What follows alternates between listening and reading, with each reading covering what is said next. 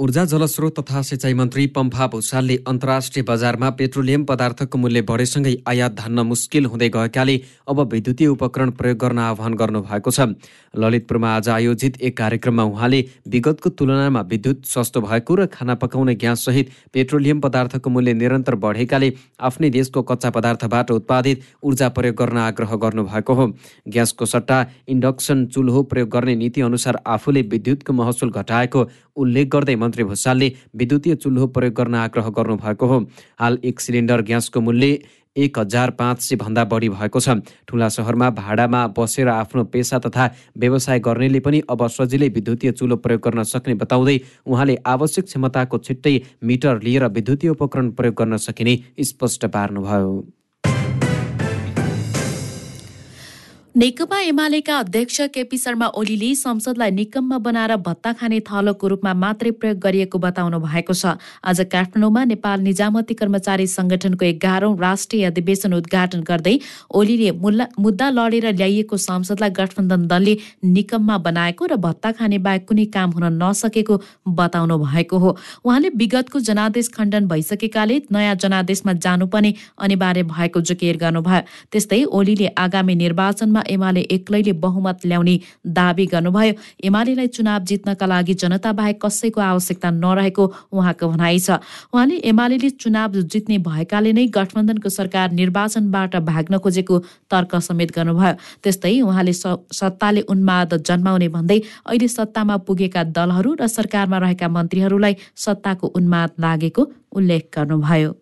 खासै स्ट्रेन्थ नभएका केही पनि नभएका व्यक्तिहरू पनि झुक्कल पुक्कल अनेक जाल टिक्रम आदि इत्यादि परमादेश जारी भएका बखत यस्ता हुलमालमा त्यस्ता मान्छेहरू पनि पावरमा पुग्न सक्छ। त्यसरी पावरमा पुग्यो भने त्यस्ता मान्छेहरूमा उन्माद चढ्न सक्छ। यदि पुरानो जनादेशले जबसम्म काम गर्छ तबसम्म पार्लियामेन्ट रहन्छ त्यो जनादेशले काम गर्न छोड्यो भने फेरि जनताको बिचमा गएर नयाँ ताजा जनादेश प्राप्त गर्नुपर्छ अध्यक्ष ओलीले यसअघि आफ्नो नेतृत्वको सरकार हुँदा आफूलाई असहयोग गर्न कङ्ग्रेसले आफू निकट कर्मचारीलाई निर्देशन दिएको चर्चा गर्दै अहिलेको सरकारलाई भने पूर्ण रूपमा सहयोग गर्न कर्मचारीलाई निर्देशन दिनुभयो। नेकपा एकीकृत समाजवादीका अध्यक्ष माधव कुमार नेपालले पाँच दल मिलेर मिलेर चुनावमा गएपछि एमालेलाई धुलोपिठो बनाइने दावी गर्नुभएको छ। धादिङको गल्छी गाउँपालिकामा आयोजित नेकपा एकीकृत समाजवादीको अधिवेशनलाई सम्बोधन गर्दै अध्यक्ष नेपालले एमालेको भविष्य अन्धकार रहेको दावी गर्नुभयो। यसैबीच नेकपा एकीकृत समाजवादीका नेता झलनाथ खनालले निर्वाचनमा पैसाको बोरा बोक्नेलाई जनताले लखेट्नु पर्ने बताउनु भएको छ। आज काठमाडौँमा पार्टीको इलाम काठमाडौँ सम्पर्क मञ्चको भेलालाई सम्बोधन गर्दै खनालले आगामी चुनावमा कङ्ग्रेस र एमाले पैसा बोकेर जाने तयारी गरेको भन्दै निर्वाचनमा पैसाको बोरा बोक्नेलाई जनताले लखेट्नु पर्ने बताउनु भएको हो। उहाँले कङ्ग्रेसका एक समूह र एमाले आफूलाई निर्वाचनमा एक नम्बरमा हराउने निर्णय नै गरेको समेत बताउनु भयो खनालले चुनावमा पराजयको डरले आफूहरू नभाग्ने भन्दै पार्टीको नीतिका साथ जनतामा जाने उल्लेख गर्नु भएको छ। त्यस्तै उहाँले जनतालाई भ्रममा पारेर नभई व्यवहारिक रूपमा नै सम्भव हुने कुरा लिएर निर्वाचनमा जाने धारणा राख्नुभयो। अब चुनावमा विभिन्न खालका शक्तिहरू अहिले आउँदैछन्। एउटा काङ्ग्रेस। अब काङ्ग्रेस त बोरामा बोरामा नै पैसा बोकेर आउँछ। बोरामै पैसा बोकेर आउँछ उनीहरूको चरित्र पनि त्यस्तै हो। हामी सबै जित्छौँ भनेर आएको थियो नि केही केही काङ्ग्रेसहरूले। त्यो सबै हो भने पैसाको हो अब केपी ओली पनि बोरामा पैसा लिएर जान्छन् खनालले यही गतिमा पार्टी अघि बढी अबको दुई तिन वर्षभित्र आफ्नो पार्टी मुलुकको पहिलो पार्टी हुने दावी समेत गर्नुभयो। नेकपा एमालेका वरिष्ठ उपाध्यक्ष ईश्वर पोखरेलले राष्ट्रिय राजनीति दुई ध्रुवमा विभाजित हुनु विडम्बना भएको बताउनु भएको छ। आज काठमाडौँको विश्व शान्ति चिरण मिलन क्याम्पसको रजत जयन्तीको अवसरमा पोखरेलले राजनीति दुई ध्रुवमा विभाजित हुँदा मुलुकको समृद्धि र विकासमा बाधा पुगिरहेको बताउनु भएको हो। उहाँले एमाले सदैव मुलुकको विकासको बाटोमा अग्रसर रहेको र अर्को ध्रुवले मुलुकको राजनीतिलाई फोहोर बनाइरहेको बताउनुभयो उहाँले राजनीतिले बाटो बिराएका कारण नै दुर्भाग्य झेल्नु परेको धारणा राख्नुभयो। राष्ट्रिय राजनीतिमा जुन खालका समस्याहरू देखा परेका छन् यो राष्ट्रिय राजनीति यो नेसनल पोलिटिक्स दुईवटा पोलमा पोलराइज भएको छ। यो विडम्बना भन्नुहोस् दुर्भाग्य भन्नुहोस् दुईवटा पोलमा पोलराइज भएको छ। एउटा पोलको लिड नेकपा एमाले गरेका छ पोखरेलले जुनसुकै दलको सरकार बनेपछि राज्यले शिक्षा क्षेत्रलाई सदैव प्राथमिकतामा राख्नुपर्ने बताउनुभयो।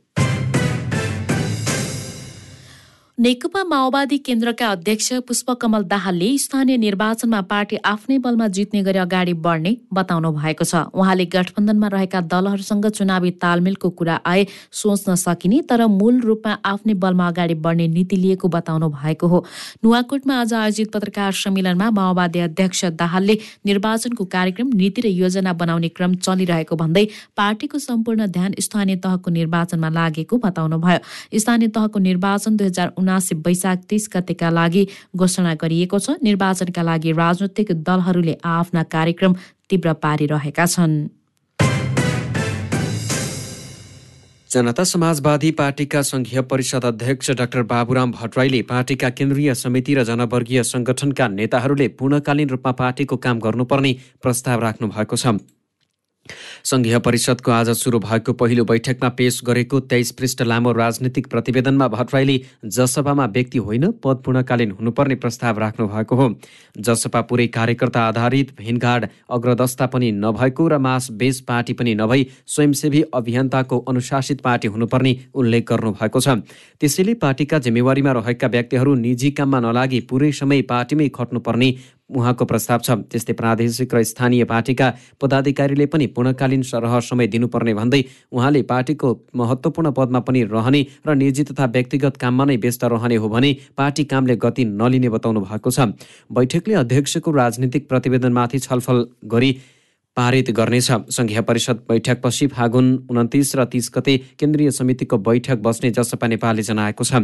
केन्द्रीय समितिको बैठकमा सङ्घीय परिषदले पारित गरेको राजनीतिक प्रतिवेदनमा छलफल हुनुका साथै स्थानीय निर्वाचन विधान सम्मेलन लगायत विभिन्न समसामयिक राजनीतिक घटनाक्रममाथि छलफल हुने जसपाले जनाएको छ।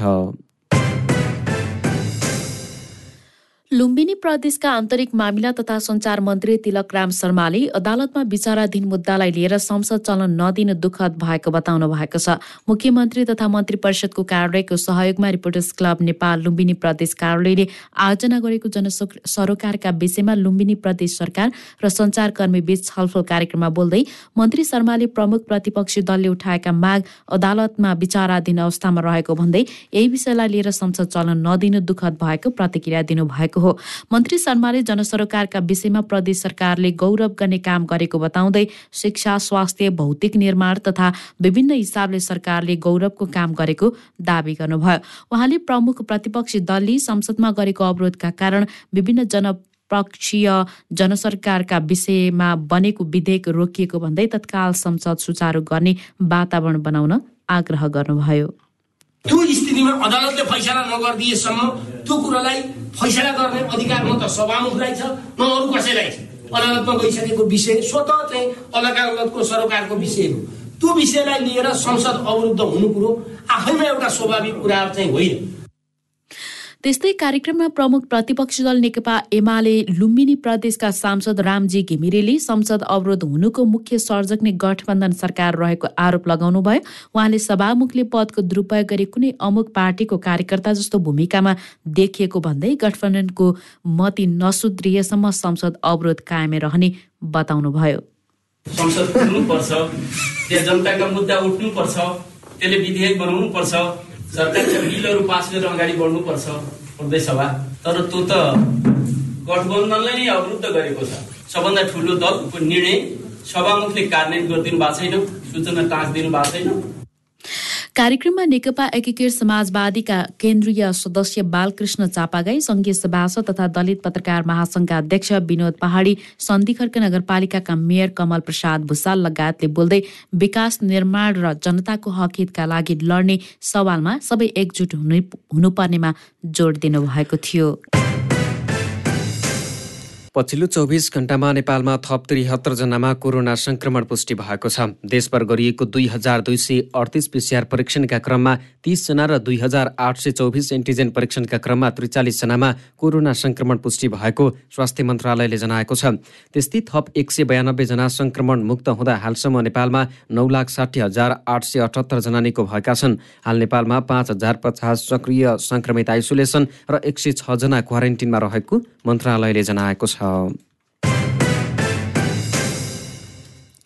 झापाको बुद्ध शान्ति गाउँपालिकाबाट ठूलो परिमाणमा औषधिसहित एकजनालाई पक्राउ गरेको प्रहरीले आज जानकारी दिएको छ। पक्राउ पर्नेमा इलाम सूर्योदय तीनका तीस वर्षीय शैन्द्र राई रहेको जिल्ला प्रहरी कार्यालय झापाका प्रवक्ता प्रहरी नायब उपरीक्षक वसन्त पाठकले जानकारी दिनुभयो। उहाँका अनुसार इलाका प्रहरी कार्यालय बुधबारबाट खटिएको प्रहरी टोलीले बुद्ध शान्ति चारमा इलामबाट झापातर्फ आउँदै गरेको पिकअप गाडीमा माथिबाट छुर्पी र घिउको बोराले छोपेर अवैध औषधि ल्याउँदै गर्दा राई पक्राउ परेका हुन्। उनको साथबाट सत्तरी लाख सतहत्तर हजार नौ सय चौवालिस रुपियाँ बराबरको एघार प्रकारका औषधि बरामद गरिएको छ। बरामद औषधि र पिकअप गाडीको मूल्य आठ लाख रुपियाँ मूल्याङ्कन गरी थप अनुसन्धानका लागि औषधि व्यवस्था विभाग शाखा कार्यालय विराटनगर पठाइएको मोरङ पठाइने र मोरङ पठाउने तयारी भइरहेको उहाँले जानकारी दिनुभयो।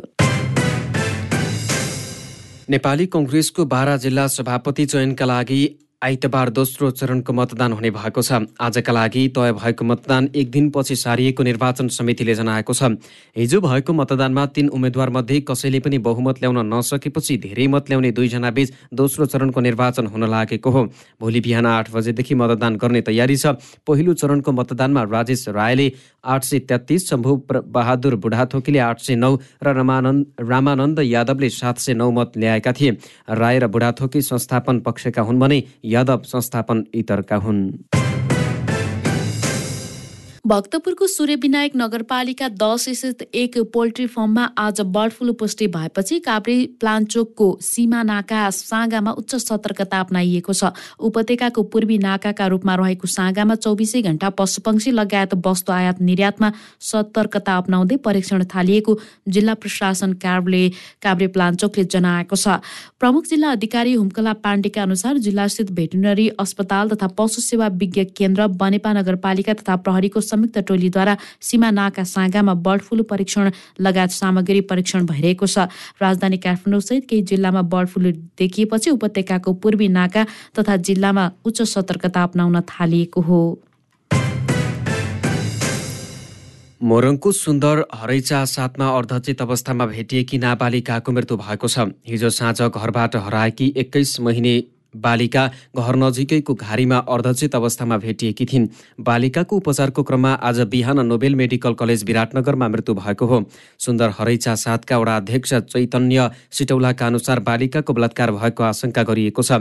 युनाङ्गमा रक्ताम्य भएकी बालिकालाई भेटेपछि आफन्तले गछिया मेडिकलमा लगेको र गछिया पुगेपछि प्रहरीलाई खबर गरेर थप उपचारका लागि नोबेल मेडिकल कलेजमा लगिएकोमा उनको आज मृत्यु भएको हो। बेलुका चार बजेदेखि हराएकी बालिका घर पछाडि रहेको झाडीमा साढे पाँच बजेतिर भेटिएको जनाइएको छ। अस्पताल स्रोतका अनुसार एक्काइस महिने बालिकाको युनाङ्गमा गम्भीर चोट रहेको छ। घटना शङ्कास्पद भएकाले अनुसन्धान भइरहेको मोरङमा मोरङका प्रहरी उपरीक्षक जनार्दन जीसीले जानकारी दिनुभयो। एमसिसी सम्झौता राष्ट्रघाती भएको भन्दै विभिन्न साना छ दल निकट युवा संगठनले काठमाडौँमा आज विरोध प्रदर्शन गरेका छन्। आज काठमाडौँको माइतीघरदेखि बानेश्वरसम्म एमसिसी सम्झौता विरुद्ध उनीहरूले विरोध प्रदर्शन गरेका हुन्। प्रदर्शन गर्नेहरूमा युवा संगठन नेपाल वैज्ञानिक समाजवादी युवा लीग नेपाल अखिल नेपाल युवक संघ वाइसिएल समाजवादी लगायत रहेका छन्। उनीहरूले मुलुकको हित विपरीतको एमसिसीलाई तत्काल खारेज गर्नुपर्ने माग राखेका छन्। युक्रेनबाट चार नेपाली नागरिक स्वदेश फिर्ता भइसकेका छन्। भारत सरकारको सहायतामा उनीहरू आज काठमाडौँ आइपुगेका हुन्। युक्रेनमा जारी युद्धको क्रममा अलपत्र परेका आफ्ना नागरिकहरूलाई लक्षित गर्दै भारत सरकारले अपरेसन गङ्गा कार्यक्रम मार्फत स्वदेश फिर्ता गरिरहेको छ। सोही क्रममा भारत सरकारले चारजना नेपालीलाई पनि फिर्ता ल्याएको हो। प्रधानमन्त्री शेरबहादुर देउवाले नेपाली नागरिकलाई फिर्ता ल्याउन सहयोग गरेकोमा भारतका प्रधानमन्त्री नरेन्द्र मोदी र भारत सरकारलाई धन्यवाद ज्ञापन गर्नुभएको छ। आज प्रधानमन्त्री देउवाले ट्विट गर्दै मोदी र उहाँको सरकारलाई धन्यवाद दिनुभएको हो। नेपाल वनस्पति घिउ तेल उत्पादक सङ्घले खाने तेलको अनावश्यक मौजदात र कृत्रिम अभाव नगर्न आग्रह गरेको छ। रुस र युक्रेनबीच जारी युद्धले चौतर्फी मूल्य बढ्न थालेपछि सङ्घले आफ्ना सदस्य उद्योगलाई कृत्रिम अभाव नगरी आपूर्ति अवस्थालाई सुचारू राख्न र सर्वसाधारणलाई अनावश्यक मौजदात नगर्न आग्रह गरेको हो। क्रुड सनफ्लावर तेल पन्चानब्बेदेखि सत प्रतिशत र तुरीको दाना साठीदेखि अस्सी प्रतिशत युक्रेनबाट आयात हुन्छ। अहिले पूर्ण रूपमा प्रभावित भनेको छ। बजारमा सनफ्लावर तेलको अभाव देखिएको छ। यद्यपि उद्योगीहरूले सोयाबिन र तुरीको तेल अभाव हुन नदिने बताएका छन्। हाल सङ्घमा बाइसवटा उद्योग आबद्ध रहेका छन्। तिनले सोयाबिन र तुरीको कच्चा पदार्थ अर्जेन्टिना अमेरिका क्यानाडा अस्ट्रेलिया युक्रेबाट आयात गर्छन्। रसुवागढी नाकाबाट आयात हुने चिनिया सामग्रीको परिमाण बढ्ने भएको छ। रसुवा र केरुङ स्थित जिलुङ प्रान्तका सीमा अधिकारी बीच भएको भर्चुअल वार्तामा नेपालभित्र नै चिनिया सामग्रीको आयात परिमाण बढाउने सहमति भएको जिल्ला प्रशासन कार्यालय रसुवाले जनाएको छ।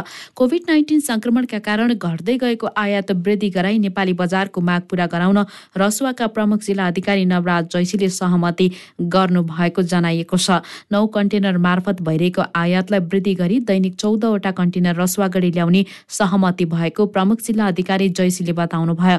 चिनिया सामग्रीको आयात परिमाण बढ्ने भएपछि व्यापारी र व्यवसायी उत्साही बनेका छन्।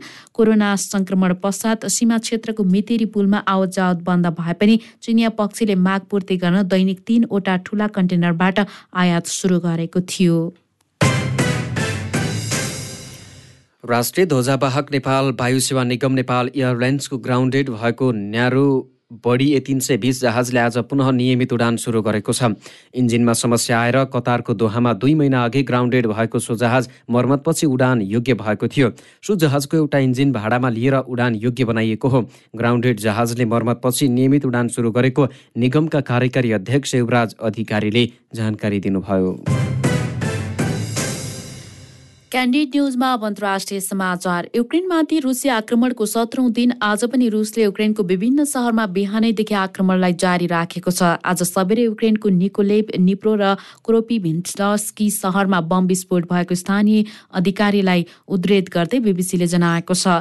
राष्ट्रपति जेलेन्स्कीका पूर्व सल्लाहकार समेत रहेका सांसद स्पिया तोला तोस्लाव युराले किहेब केब सहरमा रुसी प्रतिरोध गर्ने तयारी भइरहेको बेबिसीलाई बताउनु भएको छ। केबमा स्वयंसेवीहरूको सुरक्षा दस्तालाई सहयोग गरिरहेको उहाँले बिबिसीलाई बताउनु भएको हो। यदि रुसी फौज सहरभित्र छिरे ठुलो क्षति बेहोर्न रुस तयार रहनुपर्ने चेतावनी चेतावनी पनि उहाँले दिनुभएको छ। युकेको रक्षा मन्त्रालयले रुसी फौज राजधानी किबको पच्चिस किलोमिटर नजिक पुगेको जनाएको छ। मन्त्रालयका अनुसार उत्तरतिर रहेका रुसी फौज तितर भएका छन्।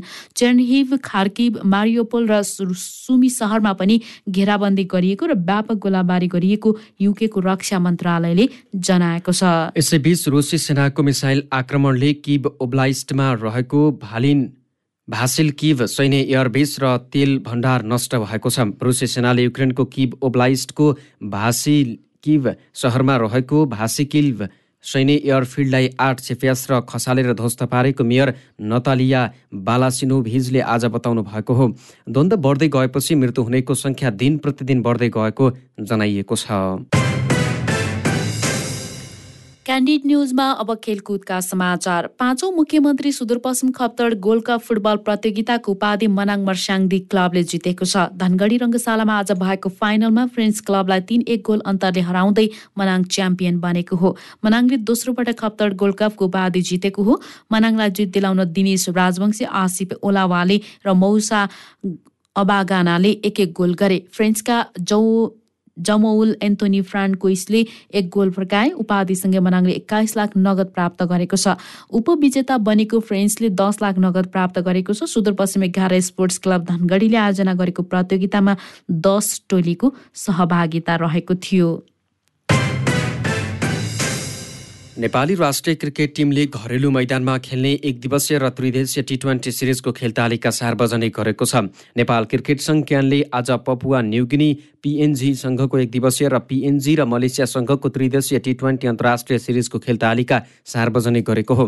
नेपालले पिएनजीसँग मार्चमा दुई खेलको एक दिवसीय सिरिज खेल्नेछ। टियु क्रिकेट मैदानमा हुने सिरिजको पहिलो खेल मार्च पच्चिस र दोस्रो खेल छब्बिसमा हुनेछ। यस्तै नेपालले टियुमी पिएनजी र मलेसियासँग त्रिदेशीय टी ट्वेन्टी सिरिज खेल्नेछ। त्रिदेशीय सिरिज मार्च अठाइसदेखि अप्रिल चारसम्म हुनेछ। र शहीद स्मारक बी डिभिजन लिग फुटबल प्रतियोगितामा वीरगञ्ज युनाइटेड र रानी पोखरी कर्ण टिम आरसिटीले बराबरी खेलेका छन्। इन्फा कम्प्लेक्समा आज भएको खेलमा वीरगञ्ज र आरसिटीले दुई दुई गोलको बराबरी खेलेका हुन्। वीरगञ्जले बनाएको दुई पटकको अग्रता उल्टाएर आरसिटीले बराबरी खेल्यो। यसअघि आज बिहान भएको खेलमा बाँसबारी क्लबले फ्राकिलो जित निकालेको छ। बाँसबारीले मध्यपुर युथ एसोसिएसनलाई छ शून्य गोल अन्तरले हराएको हो। बाँसबारीको जितमा राजेश पौडेलले हार्ट्रिक गरे सञ्जय धिमालले दुई तथा सुलेमान थापा मगरले एक गोल गरे। बाँसबारीको यो पहिलो जित हो जितसँगै बाँसबारीले चार खेलमा चार अङ्क जोडेको छ।